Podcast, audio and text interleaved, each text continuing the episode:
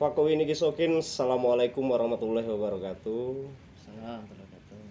Uh, pada kesempatan ini uh, gue dapat kesempatan untuk podcast sama Ustadz Yayan, yaitu pengelola di sini tadi, Ya, pengelola pondok pesantren Kiai Maroga. Kiai Muarogan, salah satu kiai sepuh di Sumatera Selatan. Eh, kiai Muarogan ini awalnya dikenal dengan masjid ya di sini tadi. Masjid, ya. Masjid. Peninggalan beliau masjid. Peninggalan beliau masjid ada dua ya, Ada dua di Palembang. Masjid Kiai Muarogan Di sama Ketapati. Masjid Lawang Kidul. Lawang Kidul yang di Di Mailir. di Mailir. Nah, dan di sini para generasi Kiai Muarogan menciptakan sebuah pondok pesantren untuk eh, dunia pendidikan dan juga ada sekolah alam ya. Iya. Assalamualaikum Ustaz. Waalaikumsalam warahmatullahi wabarakatuh. Ustaz. eh, ini kan tergolong baru ya. Iya.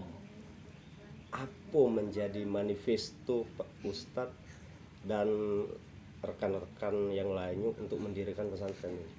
Cita-cita utama nih. Iya, iya, iya. Nah, ini alhamdulillah hari ini kita bisa bincang-bincang Ya. Nah, seputar pesantren Kiai Marogan.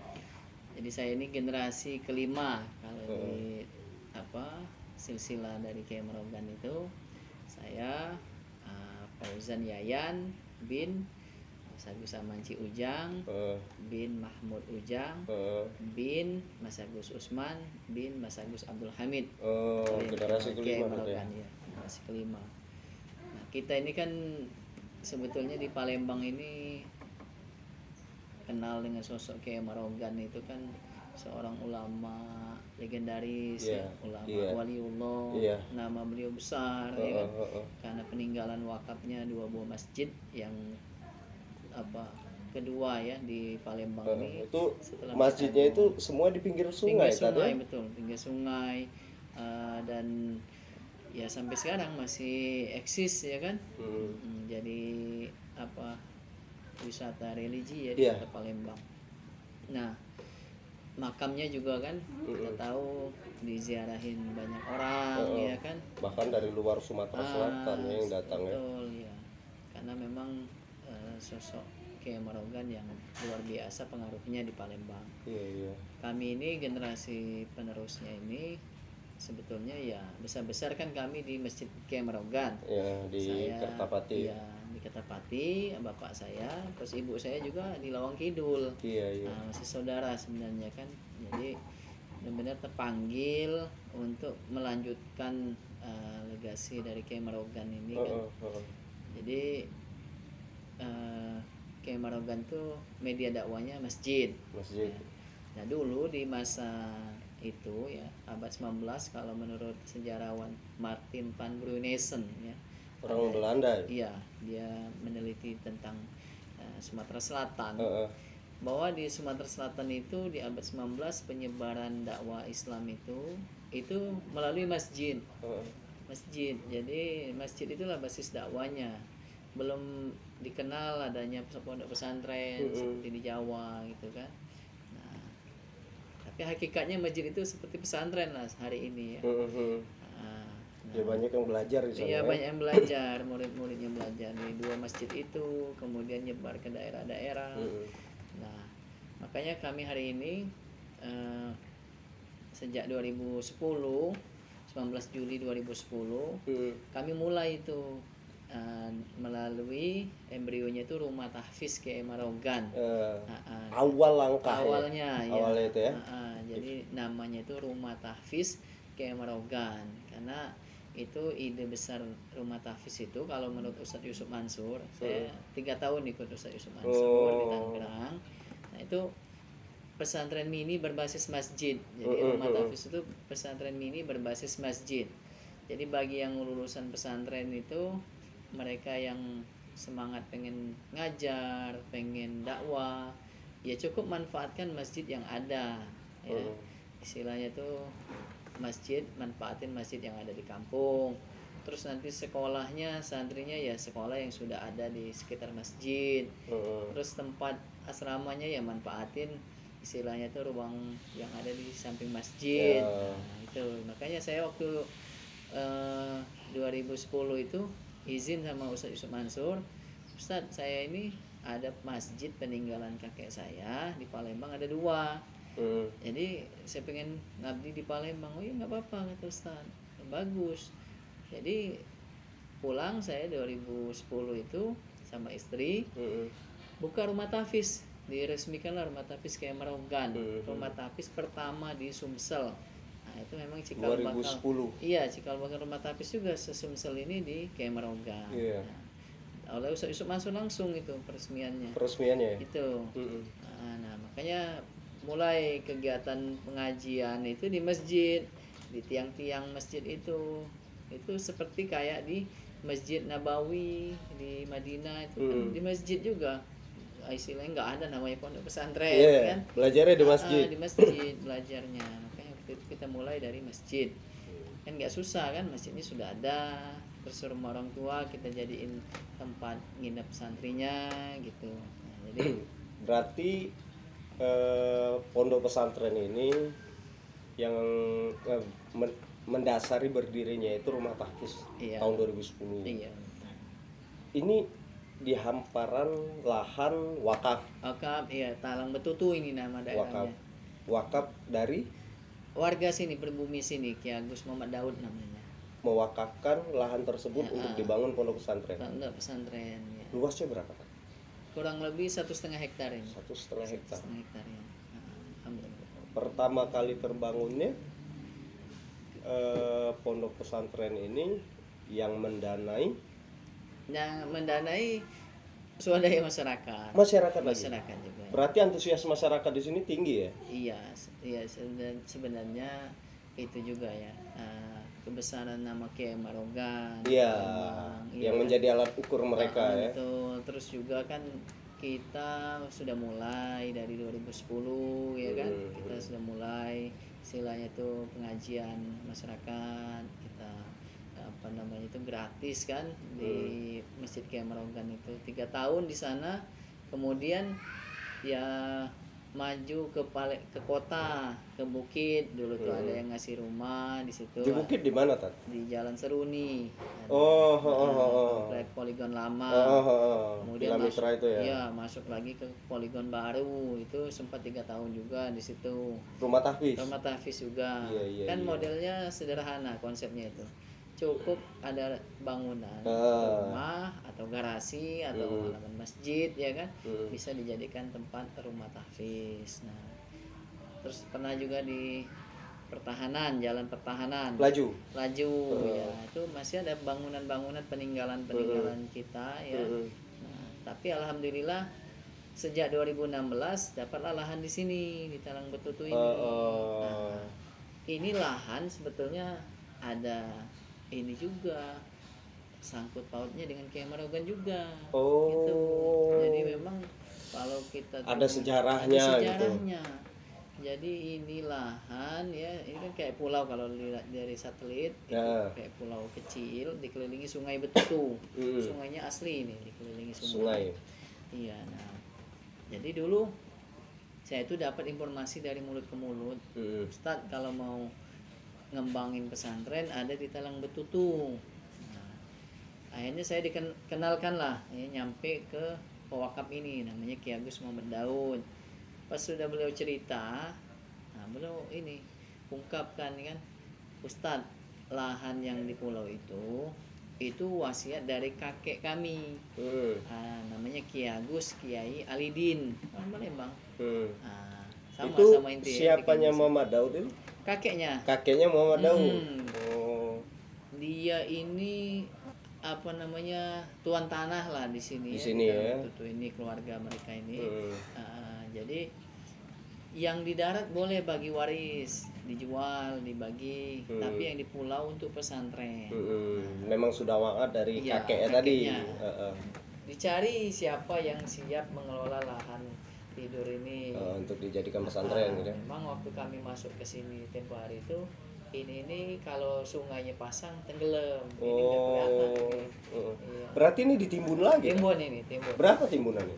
Eh, timbunannya lumayan jadi konsepnya waktu itu eh, tanah sungai ngambil dari tanah sungai didalamin sungainya terus pakai alat berat nimbun ke sini Oh, berarti dinormalisasi dulu Iya, sungainya ya. iya. Sungai normalisasi, timbun sini lah. Nah, alat berat masuk sini itu keliling dia ngambil ta- tanah dari sungai timbunin ke sini Iya. keliling nah, itu dari 2016 sebenarnya sudah hampir lima tahun ya Sudah digarap dulu ya. Sudah digarap.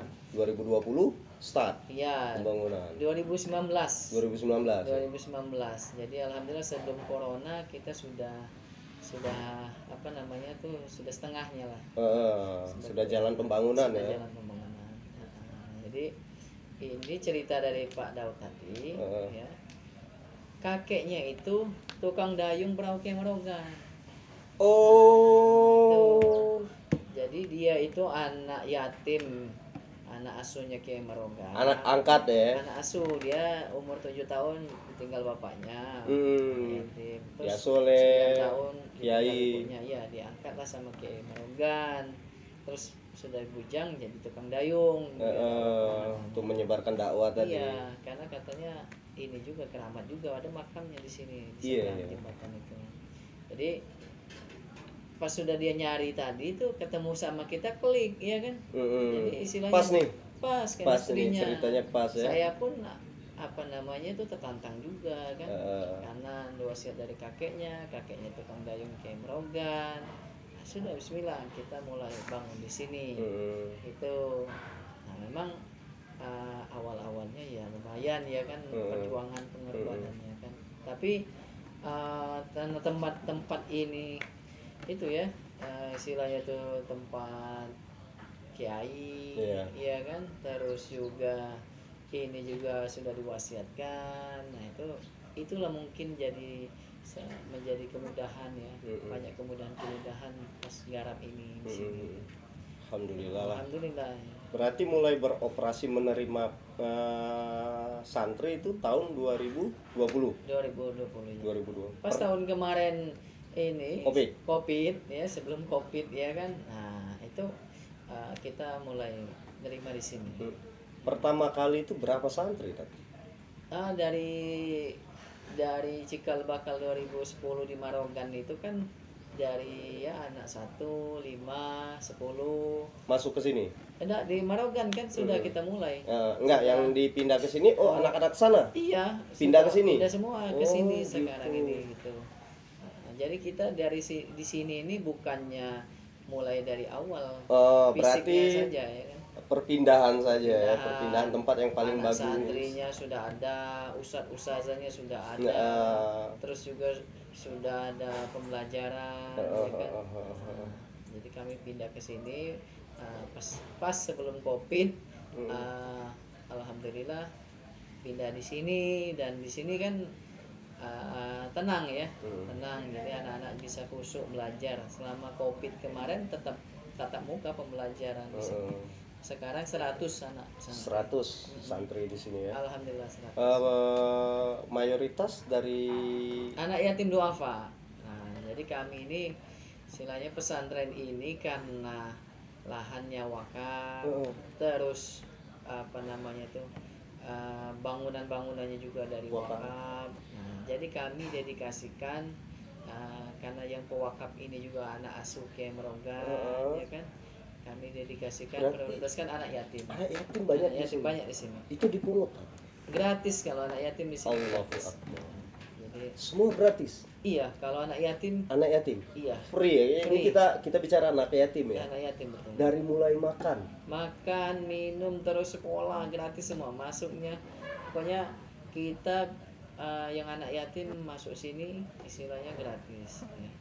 Kita carikan orang tua asuhnya Iya. Ah, ah, jadi kita bikin gerakan namanya Go Hafiz gerakan orang tua harapan anak Hafiz ya Iya. karena anak yatim tadi kita bina menjadi seorang hafiz Quran Iya. jadi bukannya ini panti asuhan bukan kami Tapi ini rumah tahfiz Iya, ya. ini rumah Beda loh dengan panti asuhan. ini pesantren dia tetap sekolah Mm-mm. usia SMP SMA anak-anak tuh Iya, sekolah edukatif Iya, tetap tetap. gitu ya. kita jangan sampai anak-anak itu beda dengan anak yang lain Hmm. ya kalau bisa malah uh, karena tantangannya besar anak-anak yatim itu kan nggak ada orang tuanya ya kan kalau bisa dia ini istilahnya sukses ya kan Hmm.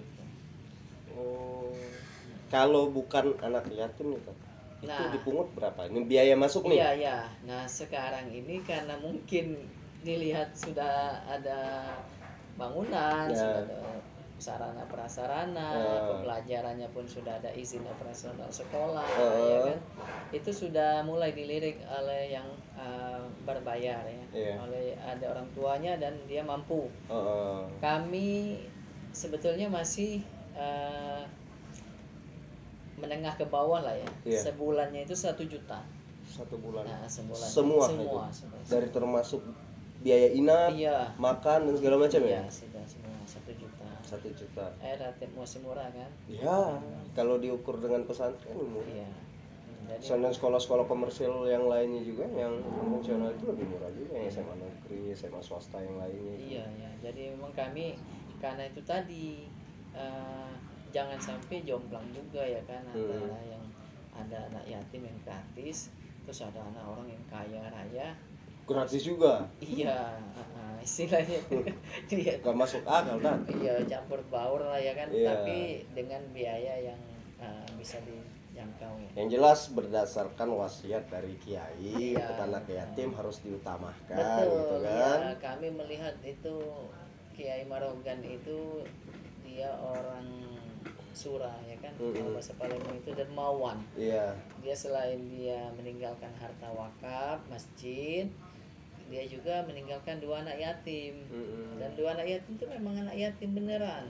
Mm-mm. termasuk yang pewakaf lahan ini itu yang kami oh istilahnya itu masih ada dampaknya gitu kan kebaikan Kiai Marogan itu Mm-mm. walaupun ini tanah bukan langsung dari Kiai Marogan itu Di sini yang dipelajari apa tuh? Yang Mungkin ah, sudah ada nih yang tahu kan, Iya, betul, ada betul. juga yang tidak tahu nih betul eh, Nah. keunggulan di sini seperti apa. Nah, gitu. jadi kami ini karena ada sosok nama Kiai Marogan tadi, Hmm. kami gali kan apa sih eh, apa ya eh, yang bisa kita ambil kita contoh dari Kiai Hmm. Nah, Kiai Hmm. Itu kan seorang ulama Iya. besar plus pengusaha. Ya. Dia itu seorang saudagar kalau Ah. dalam catatan ininya tuh sukses di bidang usaha sawmill, Heeh. gergaji kayu ya kan. Hmm. Nah, itu jadi role model kami. Makanya visi misi pesantren ini mencetak al ulama rijalul amal, ulama yang pengusaha Heeh. dan pengusaha yang ulama. Heeh. Karena ya tantangannya kan anak yatim tadi Oh. kan anak-anak yatim itu dia harus mandiri. Iya. Nah, makanya eh, selain dia belajar tahfiz Quran, kalau ulamanya belajar ngapal Quran. Tiga tahun itu 30 juz. Mm-mm. Alhamdulillah sudah banyak anak-anak yatim yang sudah selesai 30 juz. Sudah hatam banyak. Nah, ya? ah, sudah banyak. Ya, setiap tahun 10 orang, 10 orang ya kan. Nah, terus kita ini juga bekali ilmu entrepreneur. Heeh. Entrepreneur, dagang, Mm-mm. berusaha. Wirausaha Nah, ya. ah, makanya kami eh, apa switch dengan sekolah alam. Iya. Nah, jadi selain dia itu apa berbasis pesantren, Hmm. belajar agama, Iya. tahfiz Quran, bahasa Arab Ah. dan dirosa Islamnya. Berarti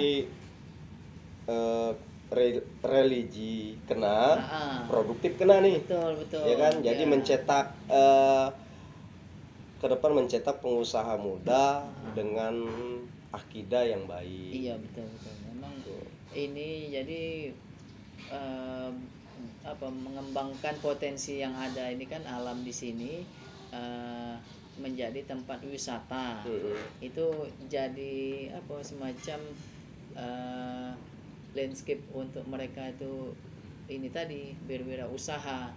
Kan inilah mulai ini dari Juli 2000 2020 kemarin kita Hmm. buka tempat ini jadi tempat wisata eh, umum Iya. gitu. Nah, ada anak-anak tuh yang istilahnya magang jualan ya kan? Oh, di sini? Iya. Hmm. Jadi dia sudah biasa ketemu sama orang tuh. Hmm. Nah, sila itu ada yang waktu itu uh, kita ini anak-anak santri itu ya ada yang kuliner, ada yang sila jualan souvenir ya kan. Nah, cuma memang karena ini lahan ini ini berbarengan dengan pesantren, Hmm. menyatu dengan pesantren, maka kita ini lagi kita apa ya uh, atur ulang landscape-nya kan. Jadi yang di depan itu untuk pengunjung wisata ya. wisata. Di belakangnya bagian pesantren. pesantren anak-anak santri gitu. harus dengan kesabaran penuh Iya, kita insya untuk Allah, mengelola insya ini ya. Iya. Karena kan eh, kita harus menjaga amanah Ah, ya kan betul, amanah kiai Ah, ah. harus untuk mengedepankan memberikan Iya. pendidikan yang baik Iya, yang betul. layak gitu kan apalagi untuk para anak yatim Ah, gitu ah, kan betul betul. Mau tidak mau suka tidak suka kita harus menciptakan menelurkan tahfiz yang Ah, ah, betul. tahfiz yang baru gitu kan Memang brandnya di sini Ah. pesantren ini tahfiz Quran. Mm-mm. Karena pengajarnya kita alhamdulillah eh, punya SDM apa dari alumni Hmm. PT IKI, IKI Jakarta, terus juga dari Mesir ya kan. Mereka yang sudah Kairo. Kairo, iya. Ustadz dulu pondok juga Iya, saya alumni pesantren. Saya dari SMP pesantren Darul Ulum di Sakatiga. oh ya Nah, depan saya, Tanjung Senai itu ya betul, SMA-nya saya ke Jakarta di pesantren Pesantren juga? Pesantren juga. Sampai kuliah di PT IKI Jakarta dan Institut Perguruan Tinggi Ilmu Al-Qur'an Jakarta. istri Istri saya dari Jawa. hmm. oh asli Jawa. Asli Jawa. Dia hafal Quran juga. Hafiz Quran juga? Ya, kuliahnya di Institut Ilmu Quran Jakarta. Allah Akbar. Gitu. Jadi apa namanya alhamdulillah eh, sudah 10 tahun tidak terasa kan? Ini sudah ada alumni kita yang lanjut ke Al Azhar Kairo ada yang ke Yaman. Ya jadi memang pendidikan itu nikmatnya itu ketika guru ini kita bisa melahirkan santri yang bermanfaat. Iya. Terus juga bisa berpendidikan ke iya. tempat yang lebih eksklusif iya ya. benar benar anak berapa Tat? tiga paling gede? SD masih kelas 5 kelas 5 SD tahun depan kelas sama 5 SD te- tiga 12 tahun? Iya 12 tahun. 12 tahun. Oh yang nomor dua? Eh, masih 9 tahun. Eh, 9 tahun. Terus yang nomor tiganya masih 6 tahun. Cewek cowok? Iya yang eh, nomor 2 cowoknya. Hmm. mondok juga iya di sini semua. Hmm. jadi anak-anak saya. Jadi langsung mondok ke sini ya? Iya. Kan memang kita eh, ciptakan di sini iklimnya pendidikan Hmm. ya. Jadi anak-anak tuh pesantren ini kita bikin walaupun dia tempat wisata atau modelnya yang sekarang terbuka ini ya. Eh, tapi jelas tuh anak-anak tuh senang belajar gitu kita panggilkan guru-guru alumni apa unsri eh, uh, alumni YN ya kan? Itu ngajarin anak-anak di sini. Assalamualaikum cek salam lanjut ya apa cek oh jadi itulah sekilas pesantren. Berdiri ya pesantren Iya, ini? pesantren Kiai Marogan ini. berarti pesantren ini meskipun tahun 2002 eh, 2019 perencanaan cikal bakalnya itu diukur dari tahun 2010 2010 berawal dari rumah tahfiz di Masjid Kiai Morogan. Alhamdulillah sampai saat ini pesantren ini berdiri dengan kokoh yang dilandasi dengan keimanan yang kuat. Iya insyaallah insyaallah Kan? Dan menelurkan banyak hafiz Quran, para penghafal-penghafal Quran. Insya Allah juga saya akan menjadi penghafal Quran yang berikutnya. Mohon Amin. bimbingan dari Ustadz juga sih sebenarnya ya. amin amin Karena eh, bagi saya, Tat, tujuan hidup itu cuman menunggu mati. Kalau orang ditanya, kamu hidup mau ngapain? Mm, mm, mm, Ya kan? mm. Mau kaya udah kaya mati. iya iya iya yang bakal dibawa ini apa? Mm-mm. kan begitu kan? Nah inilah. Ini kita coba deh. ungkapan dari Eh. Kiai Marogan ya ungkapan dari Kiai Marogan yang ini terkenal itu. Jadilah manusia keramat. Maksudnya gimana? Keramat.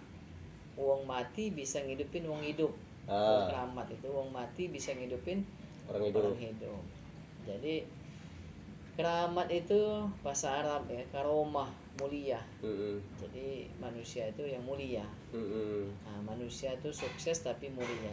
Mm-mm, Nah, jadi guru tapi mulia. Mm-mm, jadi pejabat tapi mulia. Jadi pengusaha tapi mulia. Mm-mm. maksudnya pemanfaat untuk orang yang bahkan setelah dia meninggal. Iya iya iya. nah, misalnya dia meninggalkan apa eh, prasasti keabadiannya itu masjid. Iya. Nah, ya setelah dia meninggal orang yang masih hidup tadi kan hidup dari peninggalan dia. Heeh. pesantren orang yang istilahnya su- walaupun dia sudah meninggal kiainya tadi Mm-mm, nah, anak-anak bisa tinggal di situ. Mm-mm, jadi memang kita ada sosok Kiai Marogan itu bisa kita jadikan role model ya. Mm-mm, Nah, ah, karena di Palembang ini alhamdulillah kita lihat masyarakatnya kan ah, apa ya eh, sangat gotong royong Iya. sangat eh, pecinta wakaf. Itu kan ada Kiai nah, Kiai Marogan itu kan dia ahli wakaf. Mm-mm, Nah, kayak orang Palembang kalau ada mau nyumbang itu mau berwakaf Hmm. ya. Tapi ada satu pesan yang unik ya. Mm-mm. waktu ak- eh, waktu saya kunjungan ziarah dan sholat di masjid Kimarogan Ah, ada satu pesan yang unik ah, ah, ah. jangan meminta kepada makam. Iya betul. Ya kan? Ah, ah. apakah sering terjadi di situ? Iya jadi gini itu yang karena pesan itu tidak bakal keluar kalau tidak ada yang melakukan seperti itu kan? Iya memang gini bahasa para peziarah itu kan ada yang orang awam Mm-mm. ya kan Ah, ah. tapi tidak sedikit juga yang orang alim ya Mm-mm. Ah, ah. orang-orang yang memang tahu bahwa berziarah itu mereka tidak bukannya nyembah ke makam Iya, iya. bukannya minta ke makam Mm-mm. tapi mereka tetap barukan Mm-mm. ya tabarukan tadi ya mereka mengingat mengenang para leluhur Mm-mm. ya. kita ini kan hidup hari ini karena ada jasa orang-orang tua dulu. Ya benar benar. Apalagi para ulama Iya. para pejuang Mm. gitu kan. Nah, jadi eh, kita istilahnya itu dengan mengingat orang-orang soleh itu kan menurunkan rahmat. Karena tidak ada mereka kita tidak mengenal Islam. Betul betul iya. Nah, makanya kita apa namanya eh, mengenal. Kemudian kalau dari pesantren ini kita jadikan eh, Kiai Marogan tadi sosok yang kita bisa pelajari Mm-mm. ya, karena kebetulan saya skripsinya tentang Kiai Marogan Mm-mm. terus ada buku karangan kita juga Manakib Kiai Marogan Mm-mm. oh sudah ya sudah ada mengeluarkan buku Iya, jadi memang kita gali tokoh-tokoh ulama-ulama kita itu mereka itu kenapa sampai mereka meninggal tuh masih dikenang ya karena kan nggak bisa direkayasa itu ya Mm. orang meninggal hari ini mungkin bisa diperingati sampai berapa lama ya Hmm. taruhlah satu hari tujuh hari misalnya kan satu tahun lah paling lama satu tahun habis itu udah mungkin Allah alam Ya. mereka masih berziarah atau enggak ingat atau enggak ya kan tapi ini Ah. eh, Kiai Muarogan sampai detik ini masih terus Hmm, diingat ya. iya itu kalau bahkan masjidnya menjadi cagar budaya. Betul ya yang dilestarikan terus gitu ber- yang berkunjung semakin hari semakin banyak gitu kan. Iya, makanya orang kan kalau dia itu uh, berziarah ya itu dia pasti tahu siapa yang diziarahinya. Walaupun misalnya ada adat adat oh itu turun temurun dari kakek buyut kami. Kalau habis panen kami disuruh ziarah itu kan Eh, di, lacak-lacak. Oh karena pernah dakwah di sana. Aku dulu gini. Waktu itu tahun 2019 saya itu demam. Eh, ketika demam itu kan ada ya bisa dikatakan orang yang mempunyai keahlian lebih dari umat Ah. yang biasanya ya masyarakat biasanya. Terus dia oh dibaca bacain lah. Aku tuh dikasih air minum. Ah. pesannya cuma satu aku tuh di- harus eh, diminta berziarah ke sana.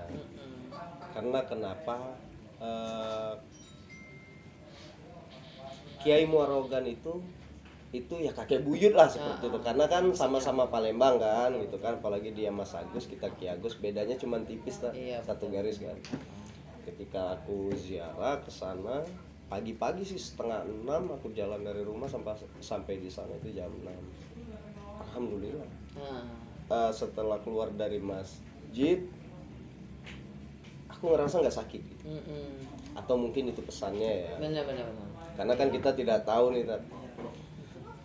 Aku bukan ahli dalam aku bukan ahli agama Iya. ataupun ahli yang bidang bidang metafisika seperti itu kan ya tapi tidak dipungkiri setiap umat manusia yang ada di bumi ini pasti diberikan kelebihan dan kekurangan Betul. mungkin kelebihannya di situ tuh Iya, iya. gitu Iya kalau ingat cerita inti tadi itu ingat pernah Ustaz Yusuf Mansur Hmm. kan pernah dia ditanya jadi waktu dia mau ceramah apa resmian rumah tapis Kiai Merogan dulu kan? Hmm. saat katanya di situ banyak yang minta-minta. Banyak yang istilah itu ya bagi bagi yang dia tadi nggak tahu kan? Istilahnya tuh kenapa? Di situ eh, orang itu mesti ke situ ya kan? Hmm.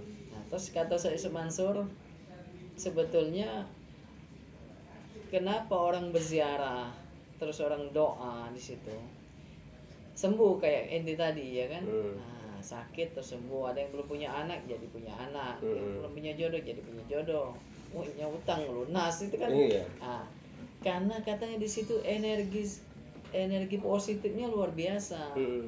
ya tempat-tempat perziarahan seperti itu tuh ada istilah namanya feromon. Hmm. Nah, kalau kita istilahnya tuh ini di situ ada bekas. Nah, Hmm. bekasnya tadi bisa jadi ke kita nyampe nyampe nya itu bisa jadi ke orang lain gitu kan energi positif. Hmm. Orang dulu kan yang sakit misalnya, yang sakit pakai air minum air putih medianya ya kan. Iya. Ah, kalau sekarang kan obat, sama obat juga itu media sebetulnya ya Hmm. kan. Tapi diminumnya juga pakai air putih kan? Minumnya air putih. Iya. Itu. Nah, kalau dulu baca Fatihah sembuh. Bukannya istilahnya itu mantra-mantra, tapi orang yang membacakannya mungkin orang soleh, Iya. ya kan? Terus juga dia memang dekat Lebih Allah. lah nyampe Itu ya kan? Pengaruh. ahli ibadah. ahli ibadah. Ahli ibadah. Ya alhamdulillah pas keluar dari situ tuh kepala tuh nggak pusing, badan udah nggak panas gitu kan. Terus sampai aku mikir ngapain aku ke dokter ya? Iya, iya. Mending aku ke masjid, jelas aku bisa beribadah gitu kan. Iya. Tapi ya semua balik ke ah lantaran semua. Iya memang kan? kan balik-balikin itu kan sebab. Ya semua dari Allah semua.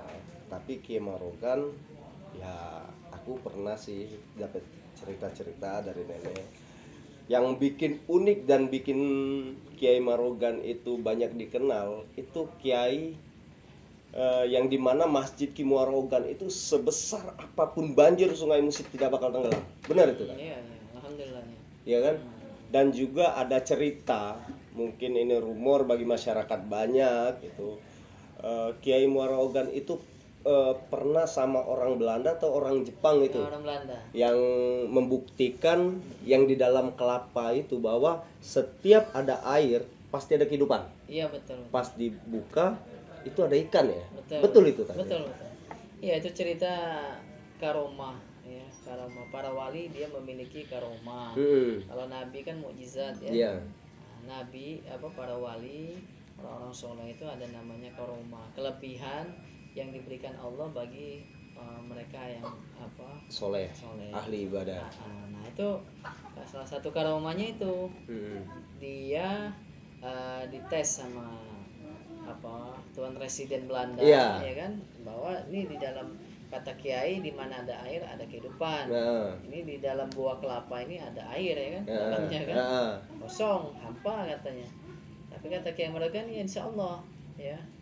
Dan memang kami sudah cek di Quran juga ada sebenarnya di surat Al-Anbiya ayat 30 coba nanti dibuka ya waja'alna minal ma'i kulla syai'in hayyin afala yu'minun kami jadikan dari air itu setiap sesuatunya itu hidup Iya. nah jadi sebenarnya seluruh makhluk hidup ini nih ini dari air Iya. sebenarnya. Betul. Dunia ini juga bumi Hmm. ini kan dikuasai 60% air. air betul. Iya.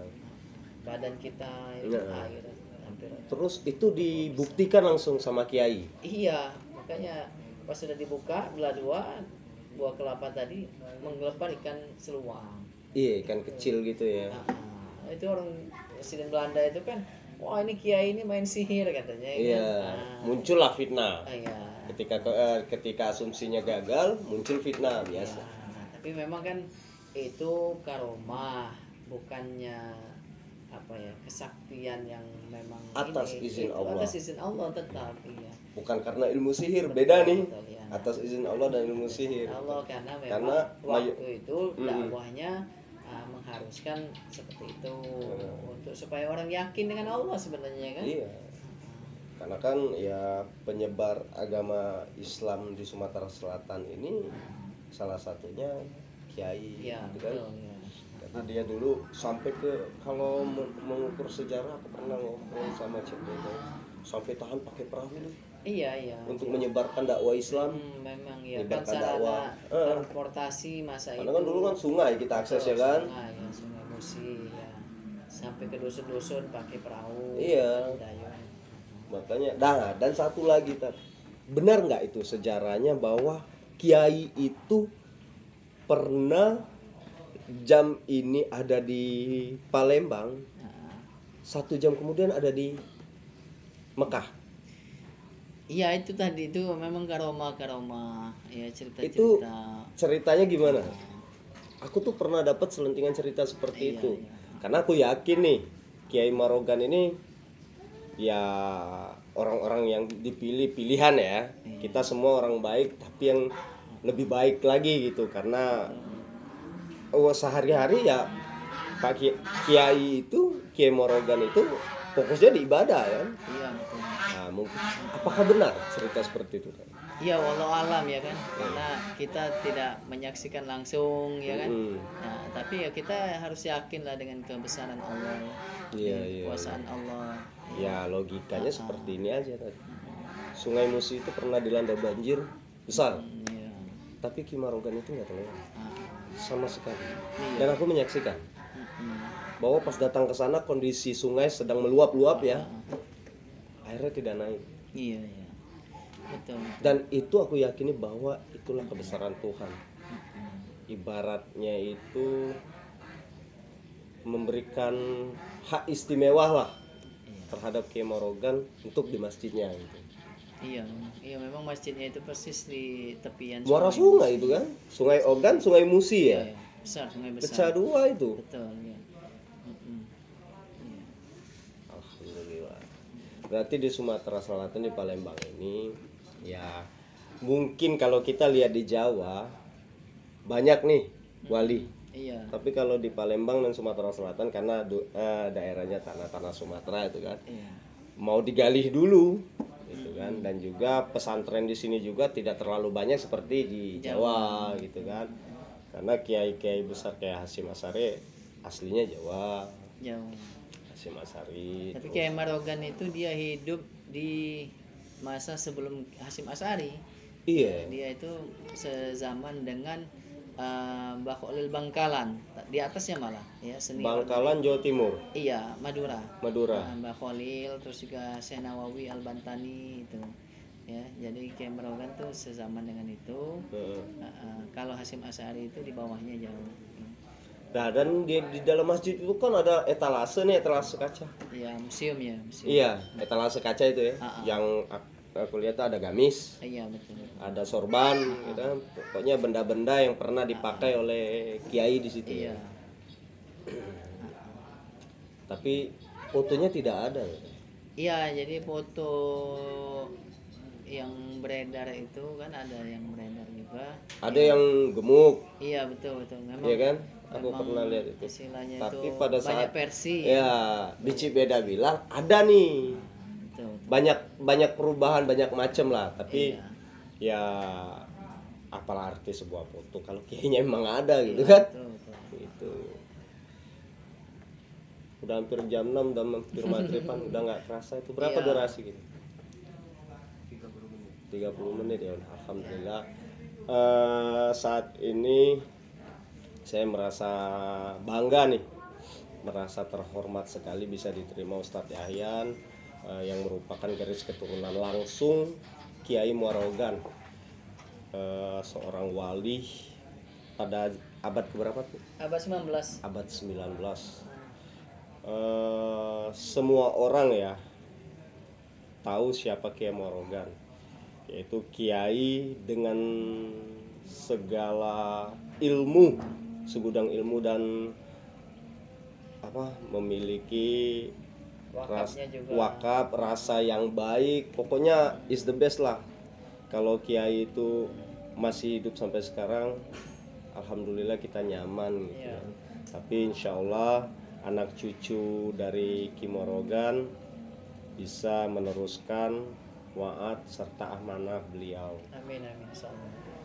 Eh, sudah azan berkumandang iya, Ustaz iya, iya, alhamdulillah Terima kasih banyak kita Sama-sama. melakukan kita sholat maghrib dulu. Iya. Terima kasih atas waktunya. Semoga di lain kesempatan saya bisa diberi ke- diberi waktu dan diberi kesempatan lagi untuk berbincang-bincang mengenai hal yang lain. insyaallah insyaallah Ya, terima kasih Ustadz ya. ya sama-sama baik ya assalamualaikum warahmatullahi wabarakatuh Jangan lupa like, comment, and subscribe channel YouTube. Cut. Dah, maghriban dulu, Tat. Ya, ya. Alhamdulillah.